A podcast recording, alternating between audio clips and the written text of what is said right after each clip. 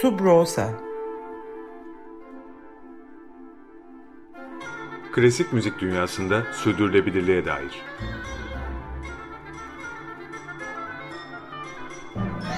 Hazırlayan ve sunanlar Zafer Yenal ve Yaren Eren Budak.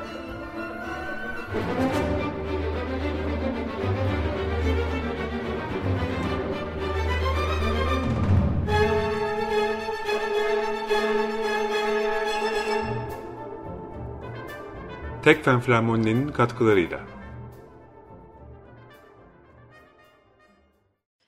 95.0 Açık Radyo'da Subrosa'yı dinliyorsunuz. Ben Yaren Eren Budak. Ben Zafer Yenal. Klasik müzik dünyasında sürdürülebilirliğe dair konuları konuştuğumuz programımızda bugün e, müzik festivallerinden ve de özellikle festivallerin finansmanından, maddi kaynaklarından bahsedeceğiz. Neden bunu yapıyoruz? Sanırız çok açık. E, geçtiğimiz çarşamba günü e, 49. İstanbul Müzik Festivali başladı biliyorsunuz. Hem de ne başlamak diyeceğiz. Harbi Açık Hava Tiyatrosu'nda sınırlı sayıda da olsa dinleyici aylar sonra konser dinlemek için bir araya geldi. Biz de oradaydık. Bir yandan son günlerde yaşadıklarımız, akla hayale gelmeyecek felaketler, e, dünyada olup bitenlerin herkeste yarattığı sıkıntı ve nereye gidiyoruz kaygısı vardı havada. E, bir yandan da insan olmanın, hayata tutunmanın, yaşama sahip çıkmanın bir ifadesi olarak sanatı, müziği, müzikle şekillenen e, kültürü her şeye rağmen yaşatma isteği. Tabii aynı zamanda e, arkadaşlarla, dostlarla, başka müzikseverlerle buluşma, yalnız olmadığını hatırlama ihtiyacı. Biliyorsunuz bu senenin festival teması başka bir dünya mümkün. Hatırlayalım e, bu cümleyi bundan 20 yıl önce Brezilya'nın Porto Alegre kentinde toplanmaya başlayan Dünya Sosyal Forumu ile birlikte duymaya başlamıştık. E, dünyadaki e, sivil toplum örgütlerinin başını çektiği ve uluslararası dayanışmaya vurgu yapan neoliberal küreselleşmeyi eleştiren toplantılardı bunlar. Bu forumların sosyal adaleti ve dünyanın sürdürülebilirliğini önceleyen hedefleri vardı, gündemleri vardı. Hala toplanmaya devam ediyor bu konferans, e, bu forum. E, ama o 2000'lerin ilk yıllarındaki popülerliğini sürdürdüğünü söylemek hakikaten çok zor. Halbuki bugün karşı karşıya kaldığımız büyük küresel sorunları düşündüğümüzde çevre felaketlerinden tutun da e, iktisadi zorluklara, yoksulluğa varıncaya kadar belki her zamankinden daha fazla ihtiyacımız var e, dayanışmaya, ulusal, bölgesel, küresel her düzeyde ve tabii e, sosyal adalete de o e, miktarda. E, dolayısıyla e, bu yılki festivalin başlığı çok yerinde olmuş diye düşündük. Diyebiliriz ki e, çarşamba günü açılış konserinde orkestrasıyla, şefiyle, solistiyle, seyircisiyle e,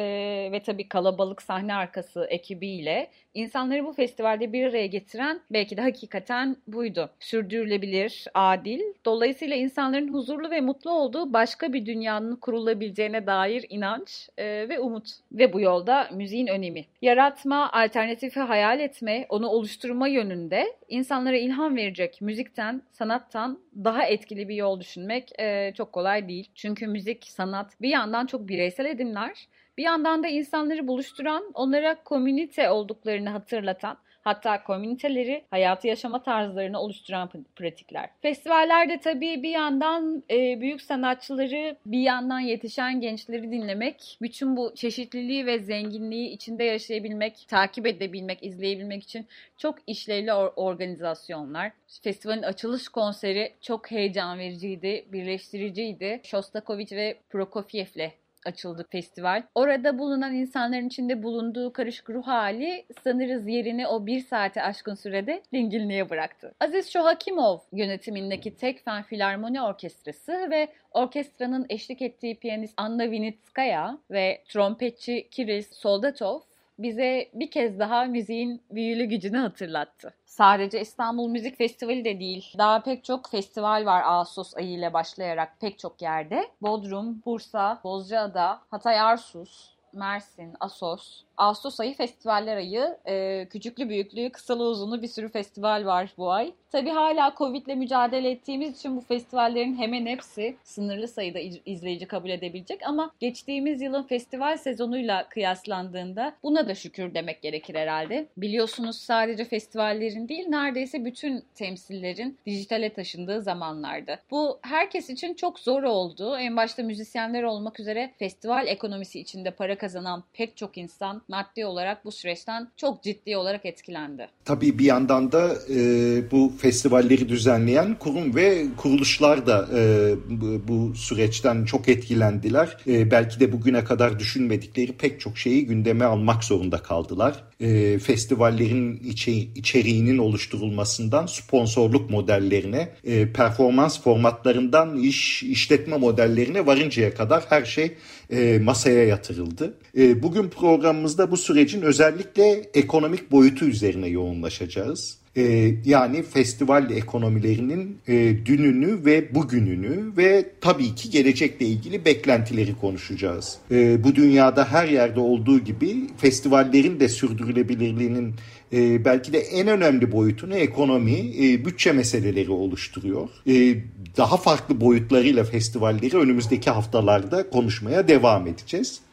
Bugün iki değerli konuğumuz var programımızda e, müzik festivalleri çeşit çeşit dedik biraz önce e, hatırlarsanız büyük, küçük, kısa, uzun. E, bugün festival dünyasını e, bu olanca çeşitliliği içerisinde yansıtmaya özellikle e, özen gösterdik ve buna göre belirledik konuklarımızı. İlk konuğumuz e, biraz önce bahsettiğimiz Türkiye'nin gelecek sene yarım asrı devirecek e, en büyük ve ilk müzik festivalinin İstanbul Müzik Festivali'nin direktörü e, sevgili Efru Efruz e, Çakırkaya olacak. Daha sonra ise e, çok daha yeni e, ve küçük ölçekli bir müzik e, festivalinin e, Kapadokya Klasik Keyifler Müzik Festivali'nin kurucusu ve direktörü sevgili Alan Jewett'la konuşacağız. Her ikisi de sağ olsunlar davetimizi kabul ettiler. Bizi kırmadılar. Bugün programımızda bizlerle birlikte olacaklar. Geçen hafta başında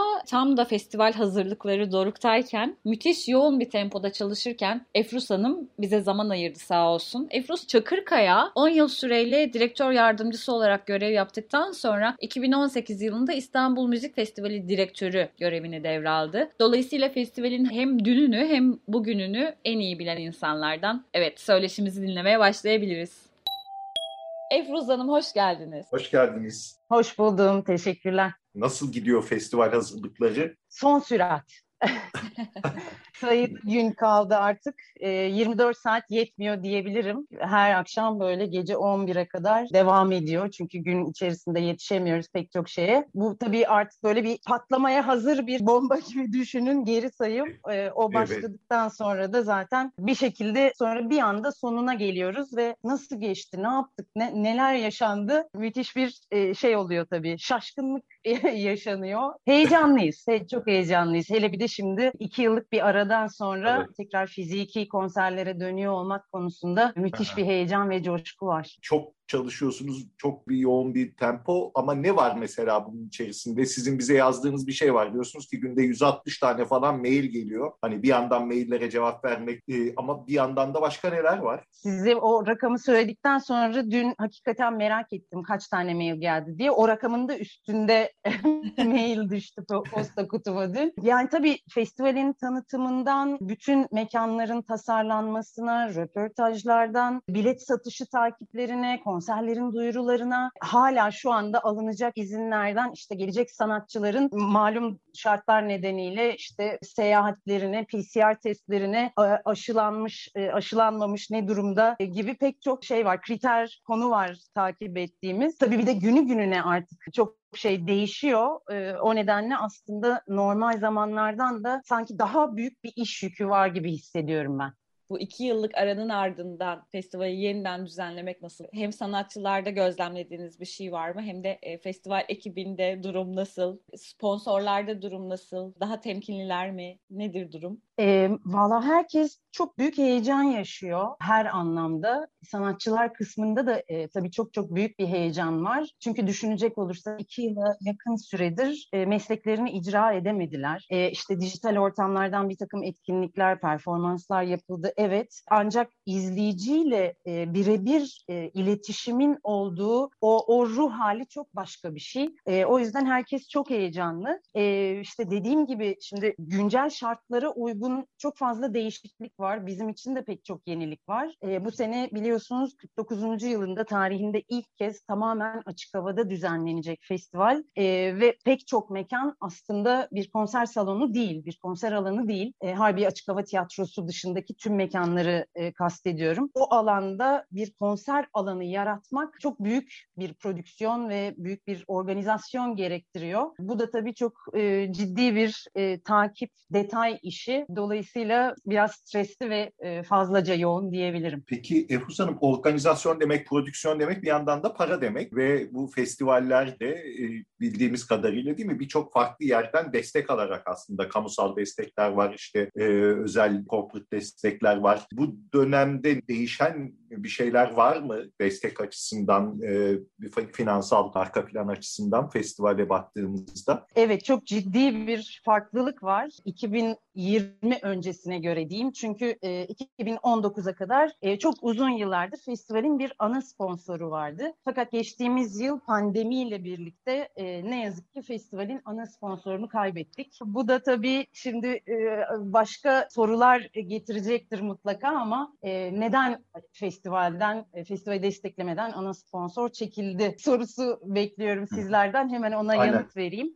Ne yazık ki e, festival sponsorumuz geçtiğimiz yıl programı fiziki olarak yapamayacağımızı anladığımız zaman dijital olarak yapmaya karar verdik. Çünkü çok önemli bir sektör bu ve ayakta kalması lazım. Yani müzisyeninden işte sahne görevlisine, nakliyecisinden ışıkçısına, sesçisine çok büyük bir sektör ve İstanbul Kültür Sanat Vakfı olarak e, biz de bu sektörün bir parçasıyız ve ayakta kalabilmesi için dijital formata geçelim dedik. Ancak festival sponsorumuz dijital işlere inanmadığını söyleyerek fiziki olarak olamıyorsa biz festival sponsorluğu sponsorluğumuzu çekmek istiyoruz dedi ve çekildi. Ve bu sene de ne yazık ki geri gelmediler fiziki e, olarak festivali yapacak olmamıza rağmen ve şu şartlarda tabii bu kadar kısa sürede e, yeni bir festival ana sponsoru bulmakta e, çok çok zor oldu bizim için, imkansızdı. Dolayısıyla burada tüm yük aslında e, gösteri sponsorlarının üzerine düştü diyebilirim. E, şimdi daha önceki bütçe formatı ve şu anki sponsor gelirleri e, oranları tabii çok çok değişti. Nasıl değişti mesela? Şimdi festival bütçesindeki oranlar tabii pandemi öncesi ve sonrası diye ayrıldı şu anda. Normalde işte bir festival programı e, yapılırken yüzden o yılın festival programının giderlerini karşılamak için bütçe hesaplarımızda gelirler aşağı yukarı üç eşit paydan oluşuyordu. Bunlar işte üçte biri festivalin ana sponsoru tarafından karşılanıyor giderlerin. Üçte biri etkinlik yani gösteri sponsorları tarafından ve kalan üçte bir de bilet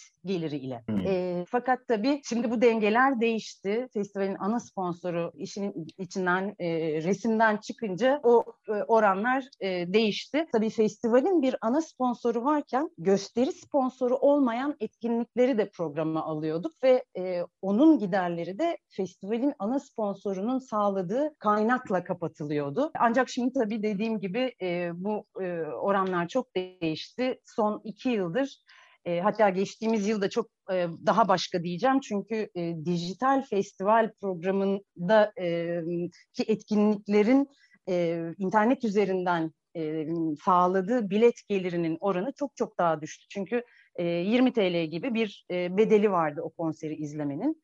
Şimdi bu yılki e, o paylara baktığımızda işte total e, festival bütçesinin yüzde seksenini gösteri sponsorları karşılıyor ve bir gösteri, bir etkinlik sponsoru olmayan e, hiçbir projeyi dahil edemedi. Çünkü bilet geliriyle bunun karşılanması mümkün değil. Bilet geliri bu e, tabloda şu anda yüzde yirmi gibi bir oranda kalıyor. İşte kamu katkısı yüzde sekiz diyebiliriz. Kadar az. Evet. E, öyle ne yazık ki. Uluslararası fonlar ve kültür merkezlerinin katkısı da e, yüzde bir buçuk civarında. Gerçekten o kadar az. Hmm.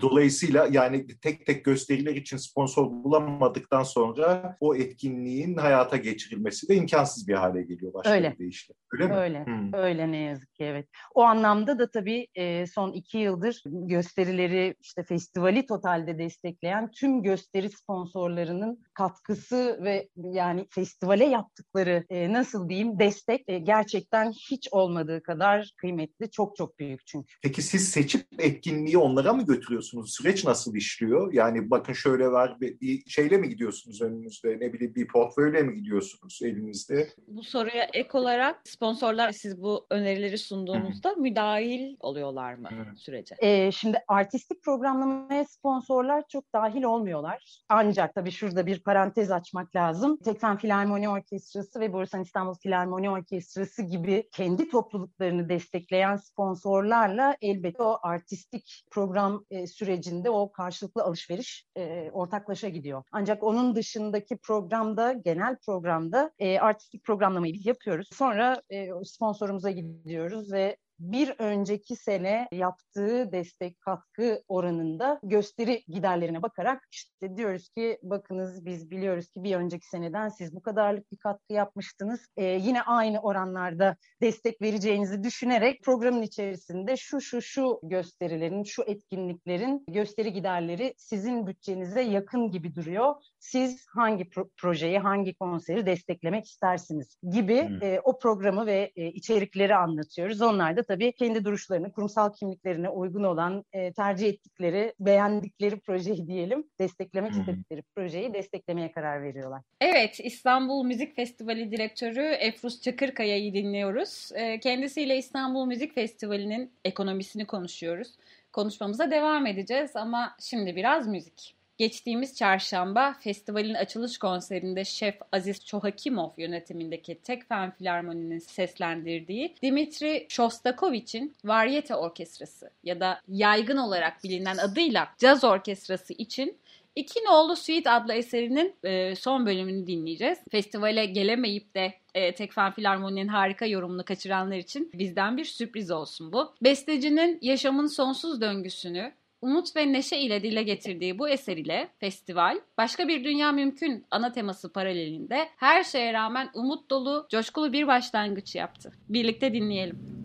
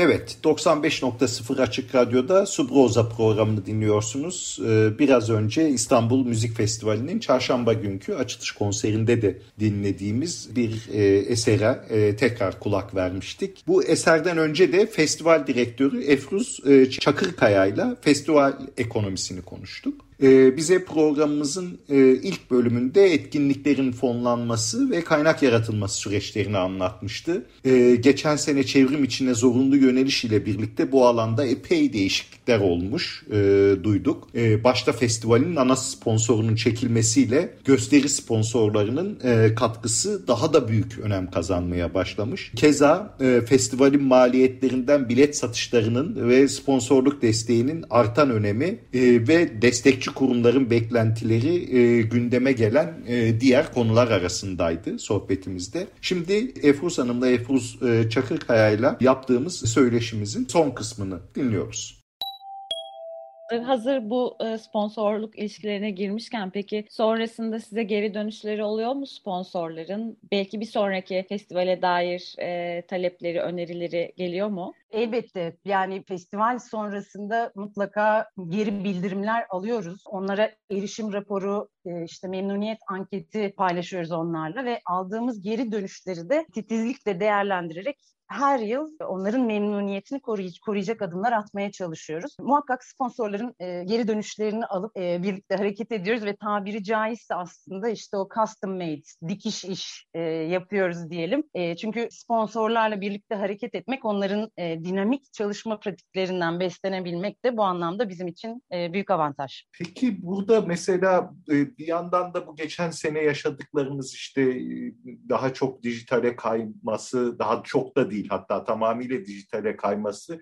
Bu sene için e, geçen seneden devşirdiğiniz, bu seneye taşıdığınız işte daha hibrit bir takım modeller, bir, bir iş yapma biçimleri falan var mı? Yoksa sadece açık havada işte konserler daha eskiye bir dönüş mü var? Şimdi bu sene tabii tamamen açık havada ve fiziki etkinlikler düzenlenecek ama bazı konserlerin kayıtlarını da alacağız ve bunları da sonbaharda dijital platformlar üzerinden izleyiciye açmayı planlıyoruz. Çünkü bir şekilde tabii buradaki etkinlikler içerisinde içerisinde o mekanın kapasitesi kadar İstanbul'da bulunan izleyiciye ulaşıyorsunuz. Ancak dijital platforma aktarılan bir konser kaydını Türkiye'nin her yerinden izleyici izleyebiliyor, ulaşabiliyor. Bu anlamda geçtiğimiz yıl yaptığımız dijital programın e, raporlamalarında, sonuçlarında e, bunun sevindirici taraflarını da gördük. Türkiye'nin pek çok yerinden izlendi bu konserler. İşte Mardin'den Samsun'a, Konya'dan Muğla'ya e, bu raporları gördüğümüz zaman tabii e, biz de büyük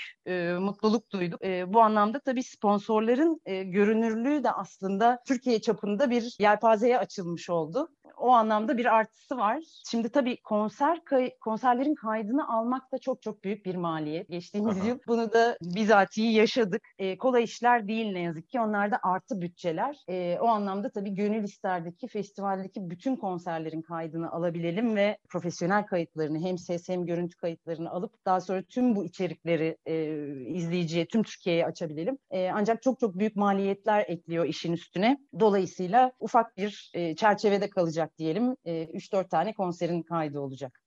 Efruz Hanım, festivalin bu sene bir teması e, var mı ve festivalde yer alacak sanatçıları, ekipleri seçerken bu temanın bir etkisi oldu mu? E, evet, çok uzun yıllardır festivali bir tema üzerinde kurguluyoruz biliyorsunuz ve bu temada o programı biraz daha zenginleştirmemize, bir mesaj vermemize e, imkan sağlıyor. E, bu yılki festivalin teması da başka bir dünya mümkün. Harika. Peki e, bu temayla festivali e, örgütleme biçiminiz, hayata geçirme bi- biçiminiz arasında e, bir bağlantı oldu mu? Belki geçmiş yıllara göre e, bu sefer daha farklı yapmalıyız, daha farklı ele almalıyız e, dediğiniz e, durumlar, eylemler, e, organizasyonlar oldu mu? Evet, Evet mutlaka. E, bu bir süreç. E, her şey bir anda değişemez elbette. Fakat e, İstanbul Kültür Sanat Vakfı'nın önümüzdeki 3 yıllık stratejik planında bu var.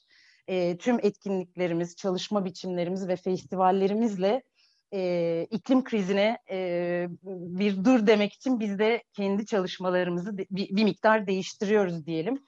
E, öncelikle olarak bu temayı elbette festival programının içerisinde e, seslendirilecek eserlerle biraz e, vurgulamaya çalıştık. Aynı şekilde yan etkinliklerimizle bu temayı işleyeceğiz. E, ancak onun ötesinde e, şimdi bu yıl programda görüyorsunuz çok büyük yerel orkestralar var. Bunlar yıldız isimlerle buluşuyor.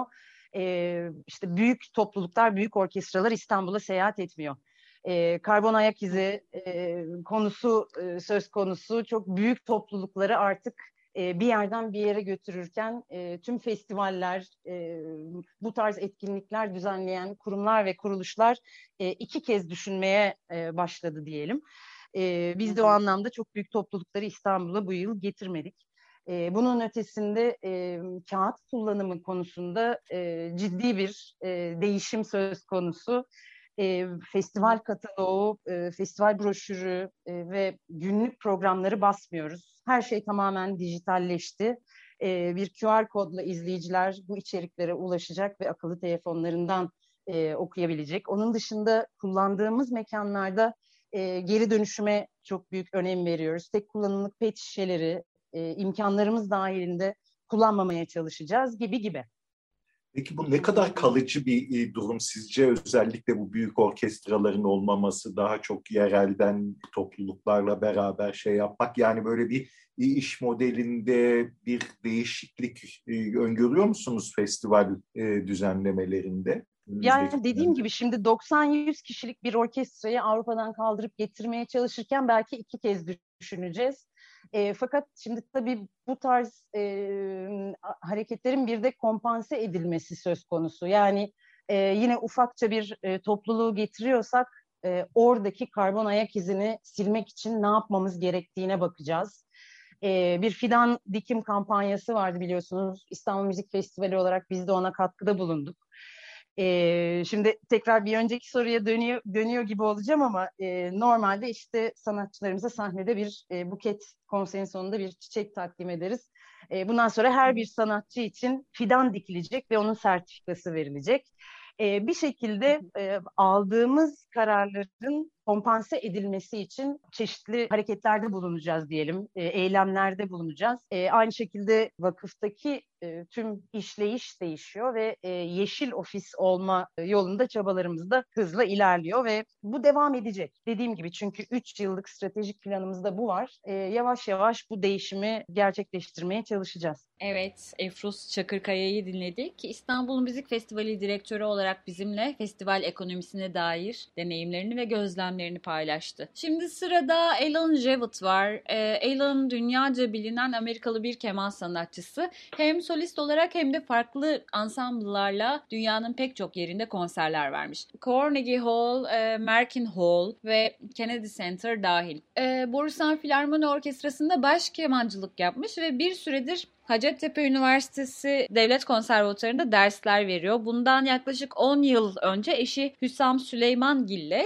çok sevdikleri Kapadokya'da daha sonra Klasik Keyifler Müzik Festivali'ne evrilen projeyi başlatmışlar. Aslında birazdan dinleyeceğimiz söyleşide de arka planda zaman zaman Hüsam Bey'in sesini de Ellen Hanım'a sufle verirken duyacağız. Birazdan Ellen Hanım ya da Bayan Ellen mı demeliyim e, kendisi de anlatacak. E, Klasik Keyifler Festivali bir oda müziği festivali yerel katılımı çok önemsiyor. Bunun için bilet fiyatlarını hep çok düşük tutmaya gayret gösteriyorlar. Kimi zaman ücretsiz etkinlikler de e, düzenleyebiliyorlar. Keza kültürler arası etkileşime çok önem veriyorlar. Hem Türkiye'nin hem dünyanın farklı yerlerinden sanatçıları, izleyicileri bir araya getirmeye çalışıyorlar. Biliyorsunuz Tarihten beri oda müziği daha küçük salonlarda, mekanlarda, evlerde dahi samimi ortamlarda icra edilir. Klasik keyifler de bu geleneğe bağlı kalarak Kapadokya'da birbirinden etkileyici mekanlarda, Kapadokya'nın nefes kesen mağaralarında, eski medreselerde, kiliselerde etkinliklerini sürdürüyor. Evet şimdi Alan Jewood'la yaptığımız e, son derece eğlenceli ve öğretici söyleşiye geçebiliriz. Elon hoş geldin. Hoş geldin. Hoş bulduk. E, seni aramızda gördüğümüz için çok mutluyuz ve hemen e, girmek istiyoruz konuya. Sizi özellikle bu Kapadokya'da yaptığınız e, Klasik Keyifler Festivali ile, müzik festivali ile biliyoruz. Bu festivali hazırlarken, bunun bütçesel anlamda planlamasını yaparken nasıl bir hesaplama yapıyorsunuz? Ne kadar devlet desteği, ne kadar sponsorluk, ne kadar bilet satışları bu bütçenin içerisinde oluyor? Biraz bu konuda bizi bilgilendirir misiniz? Tabii ki. Ee, öncelikle bu e, festivaller konusundaki bu önemli tartışmaya beni de davet ettiğiniz için çok teşekkürler. Ee, şunu söyleyerek başlamak istiyorum. Gerçekte ya da özümde ben oda müziği çalmaya çok seven bir kemancıyım. Bir hı hı. festival başlatmayı hayal eden bir müzisyen olarak gelişmedim bu işe. Hı hı. Ne sanat yönetimi ne de iş idaresi okudum. Business okumadım. Sadece Kapadokya'da bu yaratıcı atmosferin oluşmasını istedim. Hı hı. Ve bir dereceye kadar e, oluştu da. E, bu son 10 senede birçok harika müzisyen ile tanıştık ve çok güzel bir atmosferde harika müzikler çaldık. Başlangıçta eşim ve ben son senelerde ise ek olarak eş sanat yönetmenimiz Çelist Gökhan Bağcı ile projelerimizi gerçekleştirmeye çalışıyoruz. Daha daha geçen hafta biz büyük e, kalabalıkları bir araya getirmeyi gerektiren bir festivali bütün hazırlıkları tamamlanmışken ikinci hı hı. defa ertelemeye karar verdik. Ah. Öyle mi? Hmm. Evet, evet. Ki bu bunu üçüncü festivalimiz olarak e, kutlayacaktık ve aslında 2020'de olması gerekiyordu. Hı Şimdi geçen sene yaptığımız gibi ses e, ve video kayıtları üzerinden giden bir proje yoğunlaşıyoruz ve özellikle bir e, e, Brandenburg proje, önemli proje var bizde. O, o olacak ama planlar hep değişiyor. Ama genelde 10 yıl içinde biz biraz, biraz daha konuş, konuşabiliyorum ne yapıyoruz, ne başladık.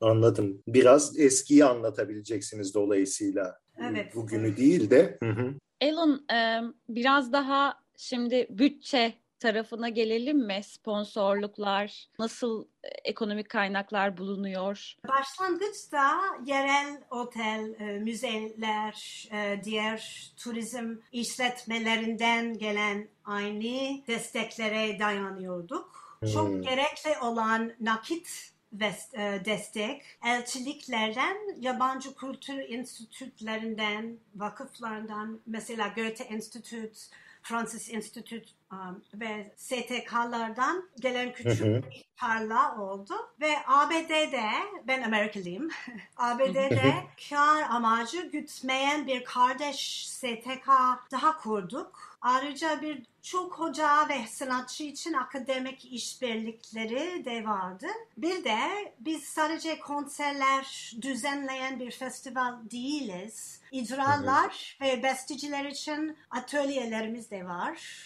Bunlara e, katılanlardan ve biletlerden yüzde 15-20 gibi bir bütçe geliyor. Um, şimdiye kadar Türkiye'de devletten e, mali bir destek almadık. Ancak belediyelerden izinler gibi konularda ufak destekler oldu. Bunlar ne kadar zamanınızı alıyor bu kaynak arayışları falan? Ne kadar önceden başlıyorsunuz e, para bulmaya? Hiçbir zaman yeterince erken başlamıyoruz. Hep bir sene sonrası için çalışabilelim istedik. Ama şimdiye kadar hiç başaramadık. Keke e, gönüllülük e, gönüllülük üzerine dayalı bir STK ve hepimizin e, uğraşmamız, zaman arılmamız e, gereken başka işlere de var. Ayrıca son senelerde uzun dönemli planlamayı zorlaştıran ve kontrolü elimizde olmayan birçok gelişme de oldu. Ve Çok oluyor. doğru. Biraz evet tabii dolayısıyla yaşadıklarımız da çok ciddi derecede etkiliyor. Bu anlattıklarınız da biraz sizin geçmiş deneyimlerinizden dolayısıyla hareketle söyledikleriniz. Buralarda yine geçmişe e, bakacak olursak genelde projeye göre mi para yoksa paraya göre mi proje? Yani hani konserler var, o konserlere e, uygun bütçeleri e, bir yerden bunun finansmanını mı arıyordunuz? Yoksa işte şu kadar paramız var, şu kadar finansman var. İşte şunu getirebiliyoruz. Şöyle bir konser oluyor ya da şöyle bir performansa yer var dolayısıyla diye mi karar alıyordunuz? Yumurta mı tavuktan, tavuk mu yumurtadan? Tabii ki e, para önce gelmeli Aha. ama hayallerimizin de olması gerekiyor. O evet. daha önemli ve normalde önemli yıllar var. Bu yıl Brandenburg yıl var. Genelde önce yeni fikirler ve projeler Aha. geliştirip yazıp e, grant fonlara ondan sonra para buluyoruz. Her şey iyi gidiyorsa. Evet ve küçük olmanızın da yararı oluyordur herhalde değil mi? Daha fazla daha e, hem esnek olmanız e, anlamında hem daha çok hayal kurmanız anlamında yoksa küçük olmak bir dezavantaj mı oluyor? Biz e, küçüğüz doğru ve e, farklı zamanlarda enerjimiz büyük bir ana sponsor bulmak için harcayalım mı e, düşündük. Ancak hmm. hep bağımsız ve müzisyenler e, tarafından yürütülen bir proje olmaya e, olmayı tercih ettik. Hı hı hı. E, bir de tabii oda müziği eksenli bir festival olarak şaşalı evet. etkinlikler arayan büyük şirketleri cezbetmemiz zor bana zor geliyor. Büyük şirketler sponsorluğu kendi imaj kendi imajları ve reklam, reklamları açısında görüyorlar. Biz Aha. ise sanatsal içeri içeriye önem veriyoruz. Peki bu, bu e, destekçileriniz değişiyor mu her sene yoksa üç aşağı beş yukarı bu saydığınız isimler e, arasında gidip geli, geldi mi e, Alan? Evet çok değişiyor. Her yıl değişiyor. Her şey e, başlıyoruz her yıl genelde. Birlikte sonsuz miktarda çay içerek insanlarla. Alıştınız çay içmeye yani. Hani, evet, çok önemli.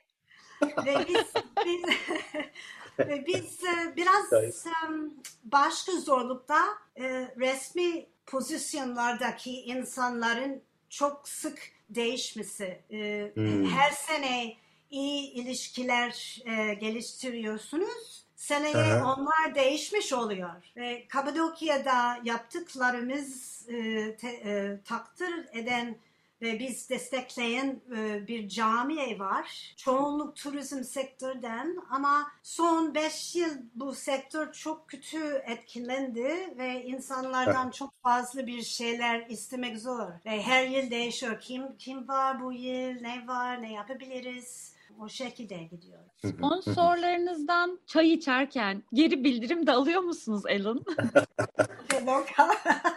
Müzik hakkında çok ilginç değil ama, ama güzel, güzel insanlar var. Talepleri, önerileri oluyor mu? Ee, içeriye müdahale ediyorlar mı? Bir sonraki senede şu olsun diyorlar mı? Ya da bu sene şu oldu ama iyi olmadı diyen oluyor mu? Sponsorlar arasında? Aa, evet, feedbackler geliyor mu size? Şimdiye kadar pek böyle bir şey olmadı çünkü bütçemizin büyük kısmı proje fikirlerini destekleyen kurumlardan geliyor zaten. Goethe mesela, Goethe Enstitü. Bir iki yerel sponsor konserlere genç icracıları ve e, beraber katmamızı pek sevmediler. Hmm. Ama festivalimizin ana özelliklerinden biri bu, bu beraber çalmak. O zaman devam ediyoruz o, o sistemler. Evet, Klasik Keyifler Müzik Festivali'ni ve işin bütçesel boyutlarını Alan Cewood'la konuşmaya devam edeceğiz. Ama önce yine biraz müzik dinleyelim. Ottorino Respighi'den Roma festivallerinden bir bölüm dinleyeceğiz. E, programımızı takip edenler bilir. E, Respighi'den daha önce de bir müzik dinlemiştik. Sibil Ersanya'nın müzik küratörlüğünde. Festivalleri konuşmaya başladığımız bu bölümümüzde festival ruhunu yansıtan bir eser dinleyelim istedik. Dönemimizin en önemli şeflerinden Riccardo Muti yönetiminde e, Philadelphia Orkestrası Feste Romani'nin La, La Befana başlıklı dördüncü bölümünü çalacak. Buyurunuz.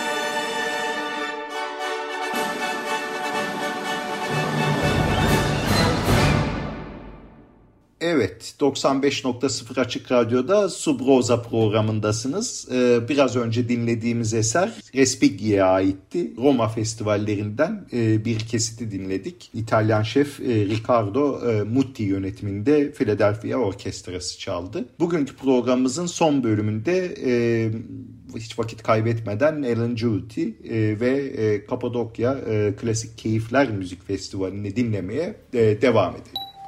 Peki biraz önce söylediğimiz konuya geri dönecek olursak bu e, sponsorların gençleri özellikle istememesinin bir nedeni var mı? E, daha çok bilinen isimleri görmek gibi mesela. Buna nasıl bakıyorsunuz? Ha, büyük genç yıldız e, stars diyorsunuz. Evet. An, hmm, o, o, o mudur dertleri yani? Bence her şey um, PR, PR, hmm. reklam hakkında.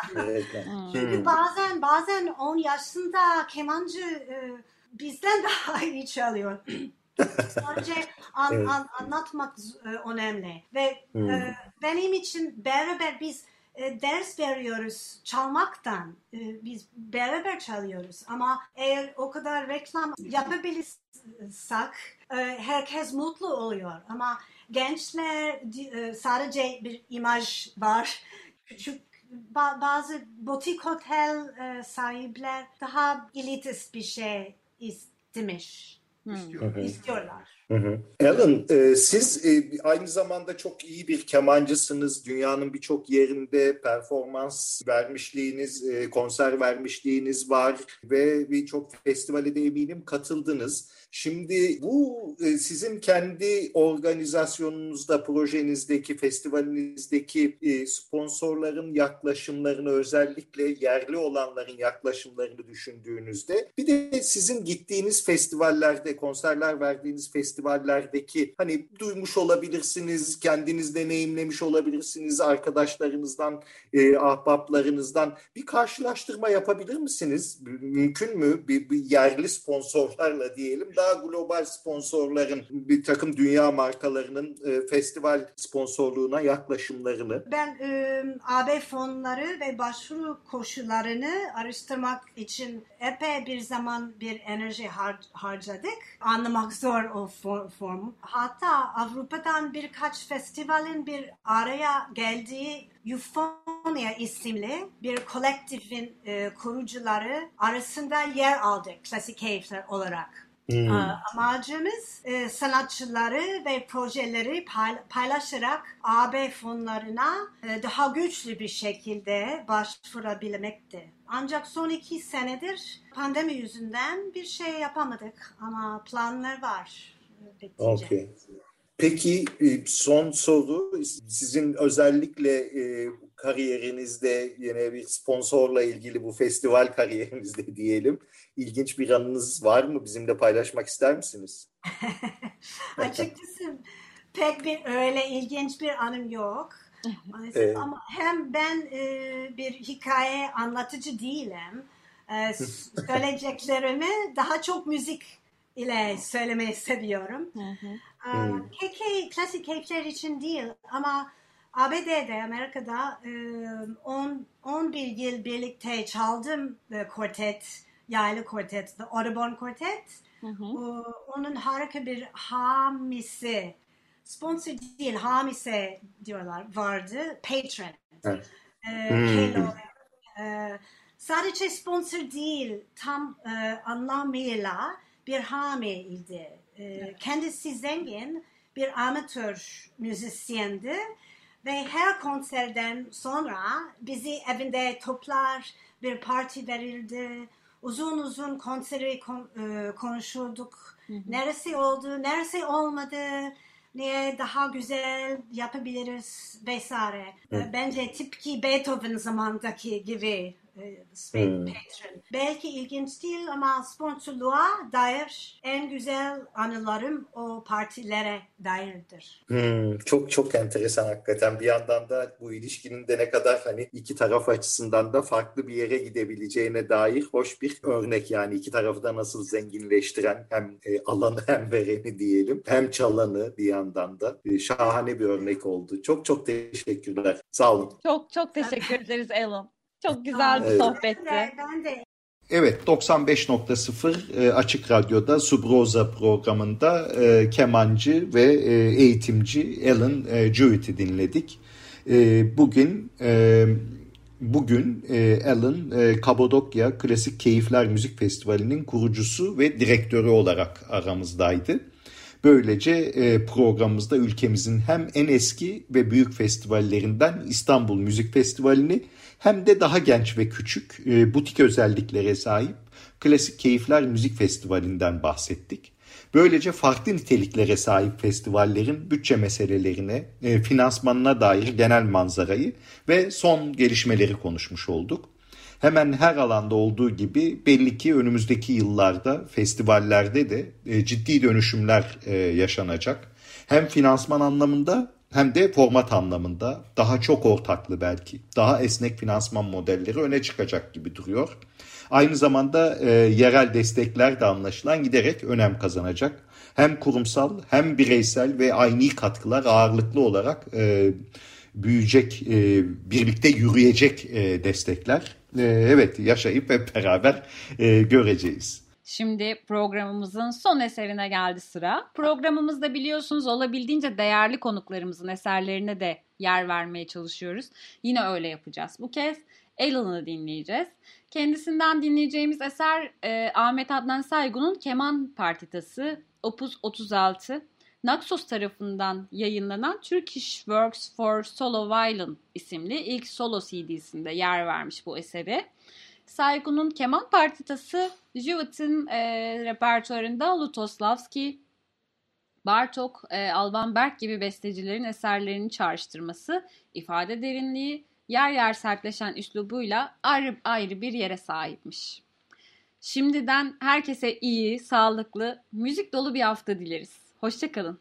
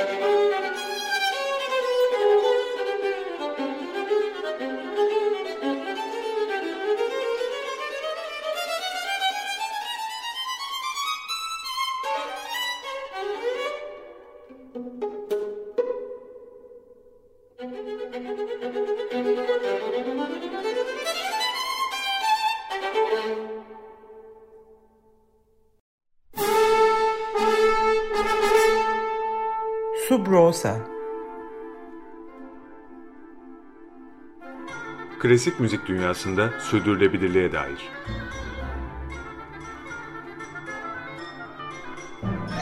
Hazırlayan ve sunanlar Zafer Yenal ve Yaren Eren Budak.